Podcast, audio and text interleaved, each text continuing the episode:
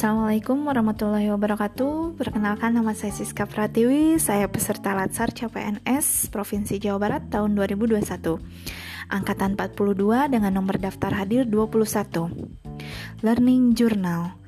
Hari Kamis tanggal 29 Juli tahun 2021 Pembelajaran agenda 2 membahas mengenai nilai-nilai dasar PNS. Nilai-nilai dasar PNS terdiri dari akuntabilitas, nasionalisme, etika publik, komitmen mutu, dan anti korupsi yang biasa disingkat menjadi ANIKA.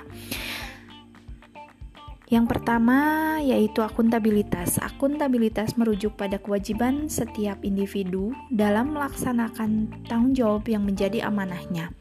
PNS yang akuntabel adalah PNS yang mampu mengambil pilihan yang tepat ketika terjadi konflik kepentingan, tidak terlibat dalam politik praktis, melayani warga secara adil dan konsisten dalam menjalankan tugas dan fungsinya. Dua, nasionalisme.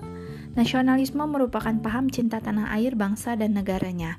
Setiap PNS harus memiliki wawasan kebangsaan sehingga dapat mengimplementasikan nilai-nilai nasionalisme Pancasila dalam pelaksanaan tugasnya dilihat dari fungsinya sebagai pelaksana kebijakan publik, lalu sebagai pelayan publik, lalu sebagai perekat dan pemersatu bangsa, seorang PNS harus mementingkan kepentingan publik dibandingkan kepentingan pribadi.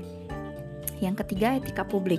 Seorang PNS harus dapat menunjukkan sikap dan perilaku yang sesuai dengan kode etik dan perilaku dalam menjalankan tugas dan kewajibannya. Yang keempat yaitu komitmen mutu. Setiap ASN harus memiliki komitmen mutu dalam pelayanan di tempat kerja agar dapat mengoptimalkan pelayanan kepada publik. Yang kelima yaitu anti korupsi. Setiap ASN harus memiliki kesadaran anti korupsi dengan memiliki spiritual accountability agar dapat terhindar dari tindak pidana korupsi. Selain itu, setiap ASN harus memiliki nilai dasar anti korupsi. Penerapan nilai-nilai dasar PNS dalam melaksanakan tugas di UPTD RSUD Kesehatan Kerja yang pertama dalam akuntabilitas menjadi seorang ASN yang akuntabel dengan memberi pelayanan kesehatan dengan penuh rasa tanggung jawab.